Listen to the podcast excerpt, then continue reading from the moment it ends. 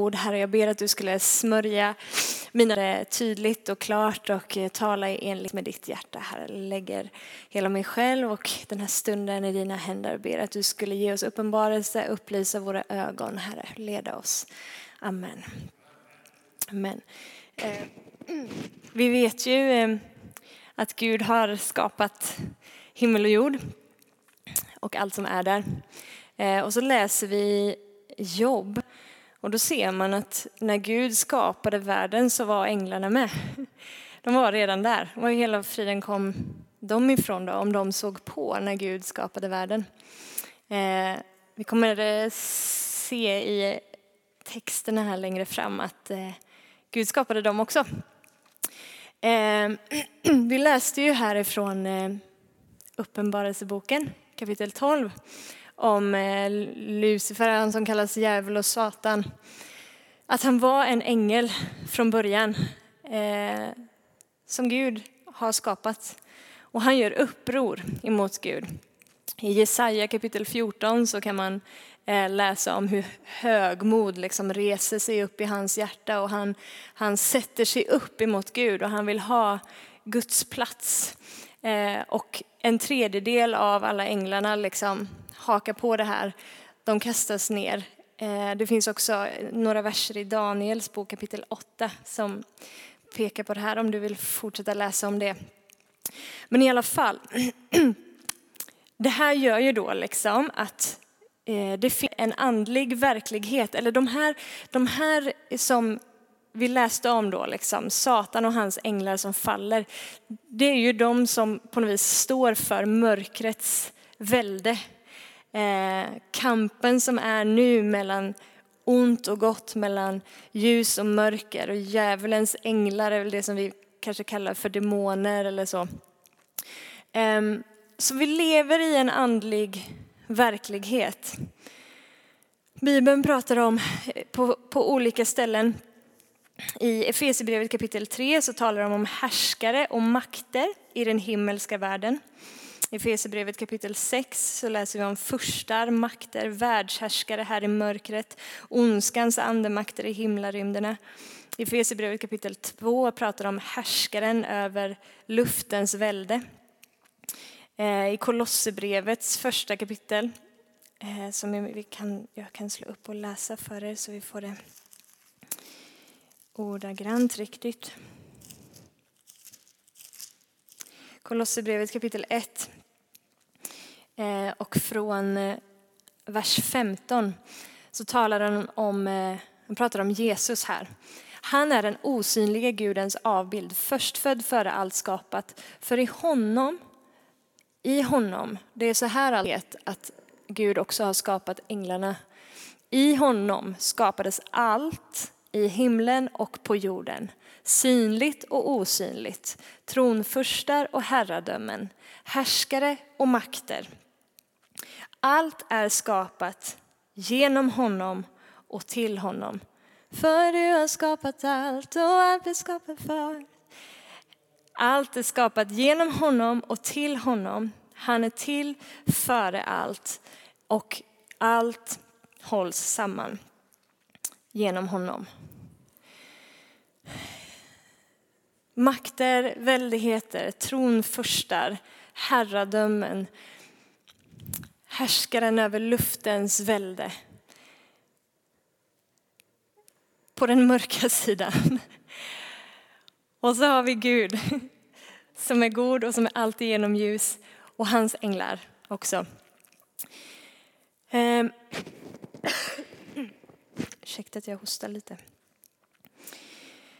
Den här verkligheten är ju där oavsett om vi ser den eller inte. Ibland förnimmer vi den i våra hjärtan, ibland öppnar Gud våra ögon liksom, så att vi får inblick i någonting som vi med våra fysiska ögon kanske inte ser. Eh, och ibland så ser vi den inte. Ehm, och ibland beror, när vi inte ser så beror det på liksom att antingen att Gud inte vill att vi ska se, att det inte är nödvändigt för oss att vi ska se, eller att vi har blivit tröga i våran ande liksom, så att vi inte uppfattar vad som händer. Och jag tror att det är en av djävulens strategier.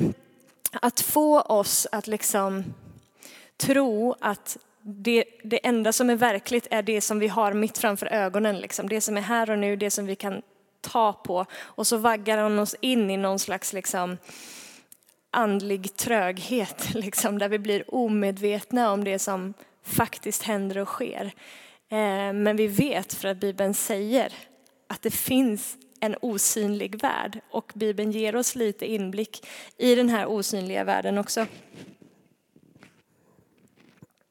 Det finns, jag vet inte om ni har hört det, men det finns ett eh, det, ordspråk är det inte, men eh, liksom en så här punchline som folk brukar säga ibland som är what's true in the uh, what's true in the natural is true in the spiritual.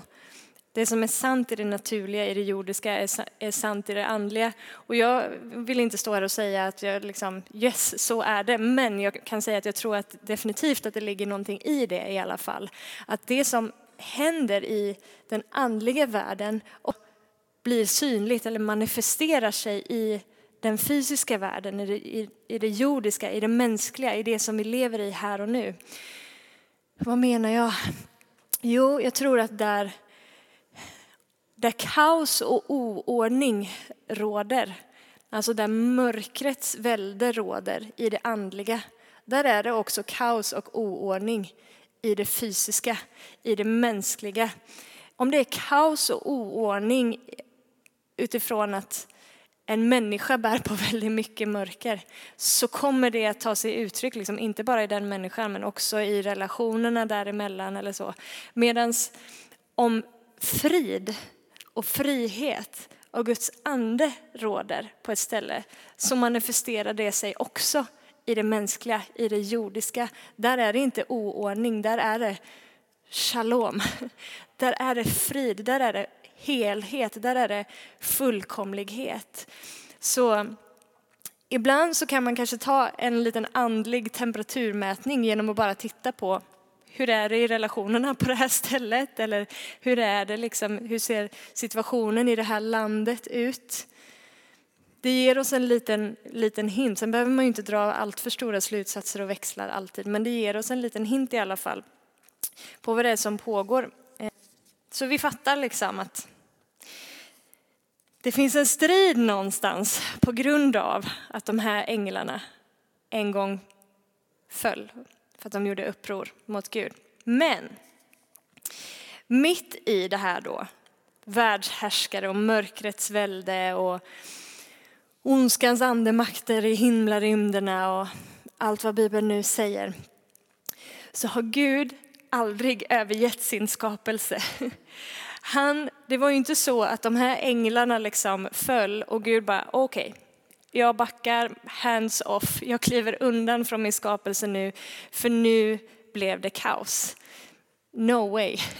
Gud har alltid varit involverad, engagerad, sträckt sig ut, mött, dragit i och haft en frälsningsplan hela tiden från början. Liksom har aldrig, aldrig steppat tillbaka från det som, var, det som varit hans.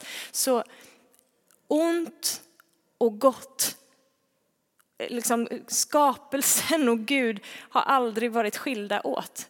De har aldrig varit separerade på det sättet. Så Gud är holistisk i sitt, i sitt sätt att, att se på och i sitt sätt att handla. Jag vet inte om ni är med mig på det tankespåret, det kanske blir klarare snart. Men det största tecknet på att Gud inte har liksom separerat sig från sin skapelse när det blev tokigt, utan att han som är, som är ande och som är god fortfarande har engagerat sig och är involverad. Det största tecknet på det är ju att han själv väljer att bli människa. Han själv väljer att iklä sig mänsklig gestalt i personen Jesus Kristus och kliva ner in i det som hade blivit fördärvat, liksom. in i det som hade blivit korrupt och mörker och som låg under liksom, förgängelse på något sätt, det som låg under slaveri. Där kliver Gud själv in i tid och rum. Alltså, han den goda andligheten bryter in i den mörka andliga världen eller vad man ska säga. Det andra stora tecknet på det är att den heliga ande sen blir utgjuten. Eh, vi får ta emot, vi som liksom bräckliga mänskliga varelser. Den heliga ande väljer att ta sin boning i oss och göra våra kroppar till sitt tempel. Eh, så två hyfsat stora grejer får man väl ändå säga som visar på hur Gud liksom involverar sig och engagerar sig i sin skapelse. Sen finns det då eh, ytterligare en grej, som det, som, det kanske finns ännu fler, men det som vi ska prata då, ett tydligt tecken som vi kan se hur Gud liksom engagerar sig och bryter in i, i våra liv. Och det är genom änglar, vilket då är dagens tema. Om vi läser, Jakob var inne på det när han bad, men om vi börjar eh, liksom ha änglar på näthinnan och läsa Guds ord så kommer ni märka hjälp vad många gånger det står om änglar. Jag hade inte uppmärksammat det förrän jag faktiskt började tänka på änglar. Men faktum är att änglar omnämns i alla Bibelns böcker utom fyra. Utom i Ester, Rut, Johannes evangeliet och Jakobs brev. I alla andra böcker så står det om änglar minst en gång, ofta flera gånger. Så det är liksom väldigt vanligt förekommande. Eh, och i den judiska kulturen var det inte alls konstigt liksom, att tänka att änglar fanns eller att det var vanligt förekommande. Liksom. Det var helt naturligt för dem, det var självklart. Eh, jag predikade exakt den här tisdagen förra året också Eh, och det vet jag bara för att jag hade fått det här temat då med. Eh, och då gjorde jag någon slags mer övergripande bibelstudie på änglar och gav en hel massa olika bibelord och punkter. Jag tror att den predikan finns på hemsidan fortfarande, så ni kan nog hitta den där om ni skulle vilja ha det. I alla fall, en av de sakerna som jag nämnde då var att om man tittar på Jesu liv så kan man se att änglar eh, har varit en, spelat liksom en, någon slags central roll i, i alla viktiga händelser och skeenden i liksom frälsningshistorien och det som är kopplat till Jesu liv. Eh, det var en ängel som kom och eh, berättade att eh, Johannes, profeten Johannes, skulle födas. En ängel kommer och berättar för Maria att hon ska bli havande. En ängel kommer och uppenbarar sig för, för Marias man Josef och berättar att, hur det ligger till, liksom, att hon har minsann inte varit med någon annan, liksom, utan så här ligger det till. En ängel kommer sen och berättar eh, för Josef att de måste fly till Egypten för att eh, Herodes är ute efter att döda Jesus. En ängel uppenbarar sig igen för dem när, när Herodes har dött och säger att nu kan ni eh, gå tillbaka igen. Eh, det omnämns eh, om änglar vid Jesu dop, alltså innan han går ut i sin tjänst. Det står att när Jesus gick ut i öknen och frestades där av djävulen så kommer änglar och betjänar honom. Jesus är i Getsemane så kommer en ängel och, ger honom kraft när han har sån ångest så att han svettas blod så kommer en ängel och ger honom kraft. Eh, sen när eh, vakterna och de här kommer för att fängsla honom där i Getsemane. Eh, och någon tar fram ett svärd. Så säger Jesus att tro inte ni att jag bara i detta nu skulle kunna be min fader och han skulle kunna sända tolv legioner änglar till mitt försvar. Så Jesus är så medveten om att det finns änglar any second han skulle behöva det. Liksom. Jag behöver bara be min far och han skulle skicka hela himlens härskaror och ni skulle inte ha en chans på den här planeten. Liksom.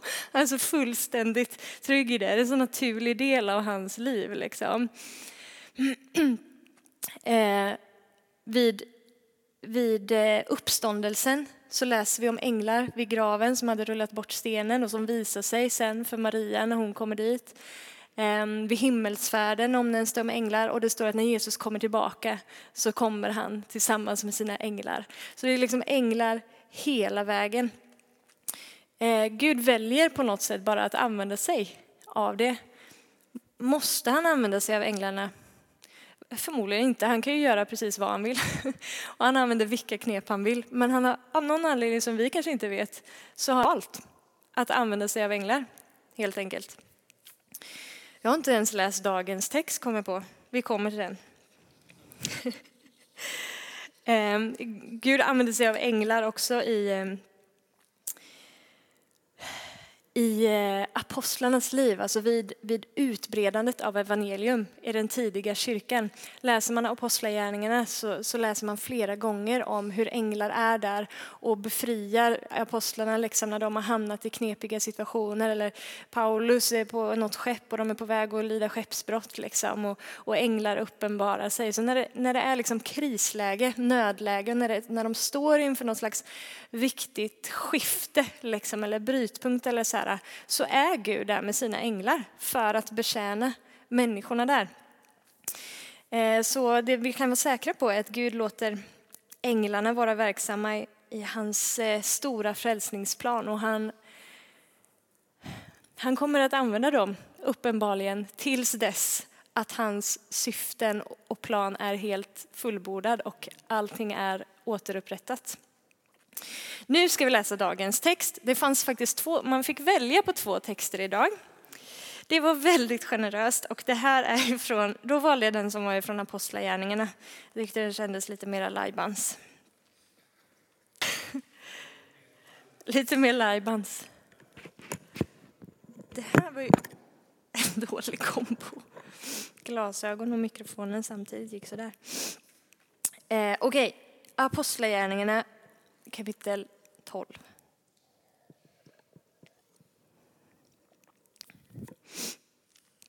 Vid den tiden lät kung Herodes gripa och misshandla några i församlingen. Han lät avrätta Jakob, Johannes bror, med svärd. När han såg att judarna gillade detta fortsatte han och grep även Petrus. Detta hände under det osyrade brödets högtid. Efter gripandet satte han honom i fängelse och lät honom bevakas av fyra vaktskift med fyra man var. När påsken var över tänkte han ställa honom inför folket. Jag läser några verser innan det där alltså. Petrus hölls därför kvar i fängelset medan församlingen bad ihärdigt till Gud för honom nu. Natten innan Herodes skulle ställa honom inför rätta låg Petrus och sov mellan två soldater, bunden med två kedjor. Och utanför dörren stod vakter som bevakade fängelset. Plötsligt stod där en Herrens ängel och ett ljussken lyste upp rummet. Ängeln stötte Petrus i sidan och väckte honom och sa, skynda dig upp. Då föll kedjorna från hans händer och ängeln sa till honom, bältet och sandalerna. Petrus gjorde så och ängeln sa, ta på dig manteln och följ mig. Petrus gick ut och följde honom, men han förstod inte att det som hände genom ängeln var verkligt utan trodde att det var en syn han såg. De gick förbi den första vakten och så den andra och kom sedan till järnporten som ledde ut till staden och den öppnades för dem av sig själv. Så kom de ut och gick längs en gata och plötsligt lämnade ängeln honom. När Petrus blev sig själv igen sa han, nu vet jag verkligen att Herren har sänt sin ängel och räddat mig från Herodes hand och från allt som det judiska folket hade väntat sig. När han nu insett vad som hänt gick han till Marias hus, hon som var mor till Johannes och kallades, som kallades Markus. Där var många samlade och bad. Petrus bultade på porten och en tjänsteflicka som hette Rode gick för att öppna. När hon kände igen Petrus röst blev hon så glad att hon istället för att öppna porten sprang in och berättade Petrus står utanför porten. De sa till henne, du är tokig. Men hon försäkrade att det var så. Och de sa, det är hans ängel. Under tiden fortsatte Petrus att bulta och när de öppnade såg de till sin häpnad att det var han. Han gav tecken åt dem med handen att vara tysta och så berättade han för dem hur Herren hade fört honom ut ur fängelset. Han sa, berätta det för de andra bröderna. Sen gick han ut och begav sig till en annan plats. Ni var med på att han sitter fängslad och så plötsligt står en Herrens ängel där. Ett ljussken lyser upp rummet, stöter honom i sidan. Klä på dig, nu går vi. Och så tågar de bara ut. Och Petrus verkar inte riktigt fatta, liksom, veta, ser jag en syn, drömmer jag en dröm eller liksom, händer det här? Och först när ängeln har lämnat honom så bara, ja, men, jag är ju fri. Hallå, vad var det som precis hände? Eh, det verkar vara lite så liksom med, med änglarna att man Antingen ser vi dem i drömmar eller så ser vi dem i någon slags syn eller så får man någon slags vision eller så bara liksom på riktigt. De är där som en, som en människa typ. Och det verkar inte vara riktigt tydligt för personerna som själva upplever det exakt alltid vad det är som händer. Men det händer i alla fall. Eh, så Gud väljer på något sätt liksom att genom sina änglar stiga, stiga in i tid och rum. Liksom. För, ja, whatever. Bryter liksom in i det mänskliga sfären på något sätt. Gör sig synliga på ett eller annat sätt så att personerna får det som stunden kräver och det som de i den stunden behöver. Det som vi läste från Daniels bok här förut. Ja, Daniel är ju i någon slags desperat läge liksom, så han har fastat och bett i 21 dagar. Och så får han en syn. Och det står att ingen av männen som var med honom såg den här synen. Det var bara han som såg den. Men de andra blev helt skräckslagna så de springer därifrån. De känner av någonting. Liksom. Men Daniel ser den här ängeln. Och, och ängeln säger att han har kommit med ett budskap till Daniel. Han säger att redan från första dagen som du vände dig till Gud så blev jag sänd. Men fursten av Persien har stått emot mig. Så till slut fick Mikael komma och strida tillsammans med mig och nu har jag kommit för dina ords skull. Så i den här situationen så, kom, så liksom sänder Gud en ängel för att leverera ett viktigt ord till Daniel. I apostlagärningarnas situationen så sände Gud en ängel för att befria Petrus ur fängelse det krävdes. Men det intressanta med de här två tycker jag, för de har någonting gemensamt. Och det som är gemensamt för de här två, det finns säkert flera saker, men en sak som jag tänker på i alla fall, det är att det är bön kopplat till det. Daniel har legat på sina knän och bett. Och ängeln säger att för dina ords skull har jag blivit sänd. För att du har bett så har jag blivit sänd. Och i Petrus fall, vi vet ju inte om han hade bett, men det hade han väl med största sannolikhet gjort. Det skulle jag ha gjort om jag stod inför en möjlig avrättning. Men det står att församlingen bad ihärdigt för honom medan han satt i fängelset. Om församlingen har bett att Gud ska sända en ängel, det förtäljer inte historien. Kanske de har gjort det eller har de inte gjort det, men oavsett så väljer Gud att låta en ängel vara svaret i den situationen och befria Petrus ur den situationen. Vad lär vi oss av det? Vi lär oss att bön sätter någonting i rörelse i den andliga världen. Ska vi be till änglarna? Nej. Är änglarna någon slags medlare mellan människor och Gud? Nej, det finns en medlare och det är Jesus Kristus. Vi behöver aldrig adressera några änglar, men när vi vänder oss till Gud så vidtar han vilka åtgärder han vill för att se till att hans syften fullbordas i ditt och mitt liv. För att se till att hans vilja kan bryta igenom i ditt och mitt liv. För att hans planer och stora liksom, frälsningsplan ska fullbordas. Och han har hela härskaror till sin hjälp. Hebreerbrevet kapitel 1 och vers 14 säger att eh, änglar är eh, eh, andar som är utsända till de heligas tjänst. Alltså de är här för att betjäna oss.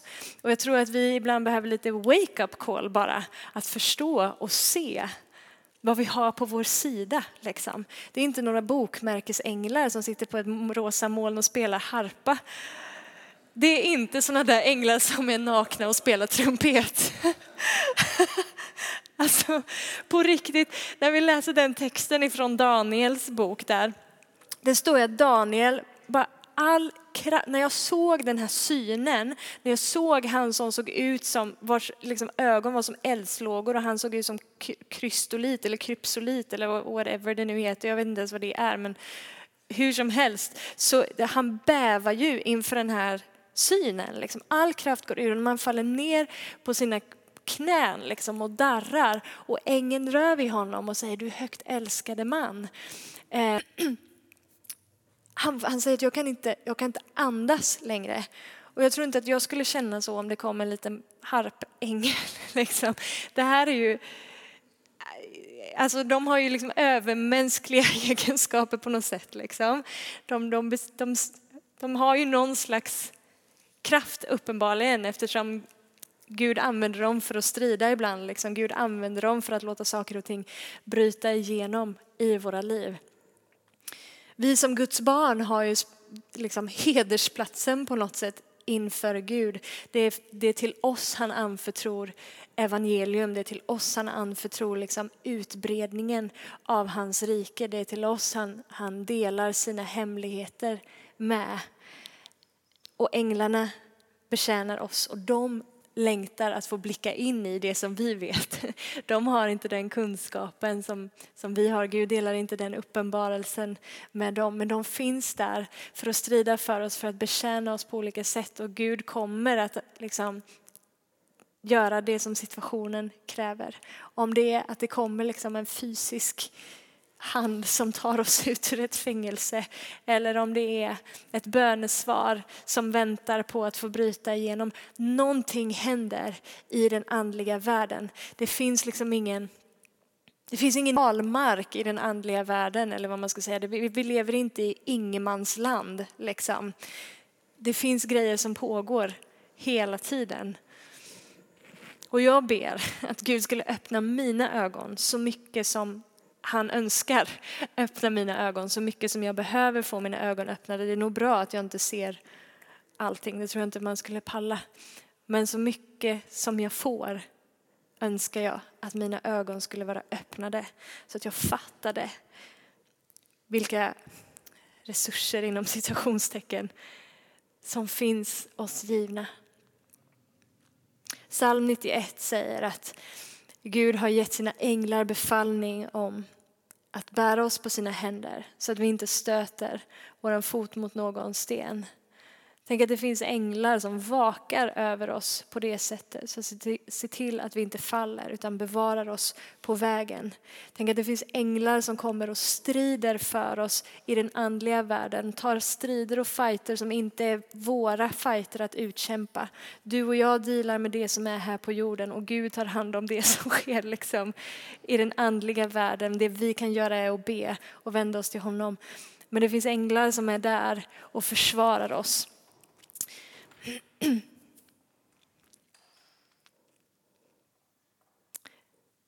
Det finns ett ställe i Hebreerbrevet, jag tror att det är kapitel 13 och vers 2 eller något sånt där, där det står att glöm inte att visa gästfrihet.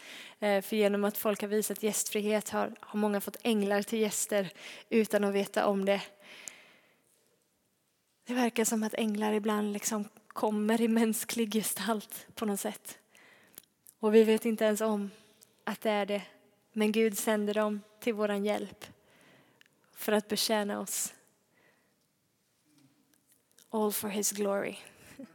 För att han ska ha äran. Kommer ni ihåg bibelstället därifrån Kolosserbrevet att allt är skapat genom honom och till honom. Genom honom hålls allting samman. Allting är skapat för honom. Tron förstar, herradömen, välden, allting det som även det som föll, skapat genom honom och det kommer bli till hans förhärligande. Det som nu verkar strida emot honom, det tjänar ändå i slutänden Guds syften. Det blir ändå i slutänden till Guds förhärligande. Han använder det med. Han är större än så. Amen. Fader, jag ber att du ville öppna våra ögon så att vi ser.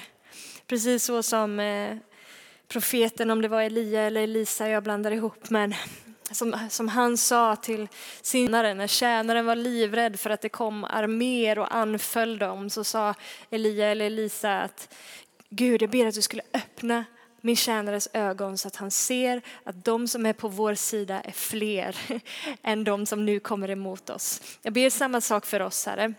Att du vill öppna våra andliga ögon så att vi förnimmer och förstår vad vi har på vår sida. Jag ber Herre att vi inte skulle vara andligt blinda eller andligt eh, tröga, liksom, utan att vi skulle vara kvicka på vår insida till att, till att uppfatta Herre och bara räkna med dig eh, på alla, alla våra vägar. Liksom. Jag tackar dig att du låter dina änglar betjäna oss på olika sätt, Herre. Jag tackar dig att det finns änglar som, som strider för oss i den andliga världen. Och i allt detta, Herre, som, som kanske väcker nyfikenhet och förundran, så ber jag mer än allt, heliga Ande, att du skulle dra våra blickar till Sonen, till Jesus Kristus, som är centrum utav allt, den som vi lever, rör oss och är till i. I Jesu namn. Amen.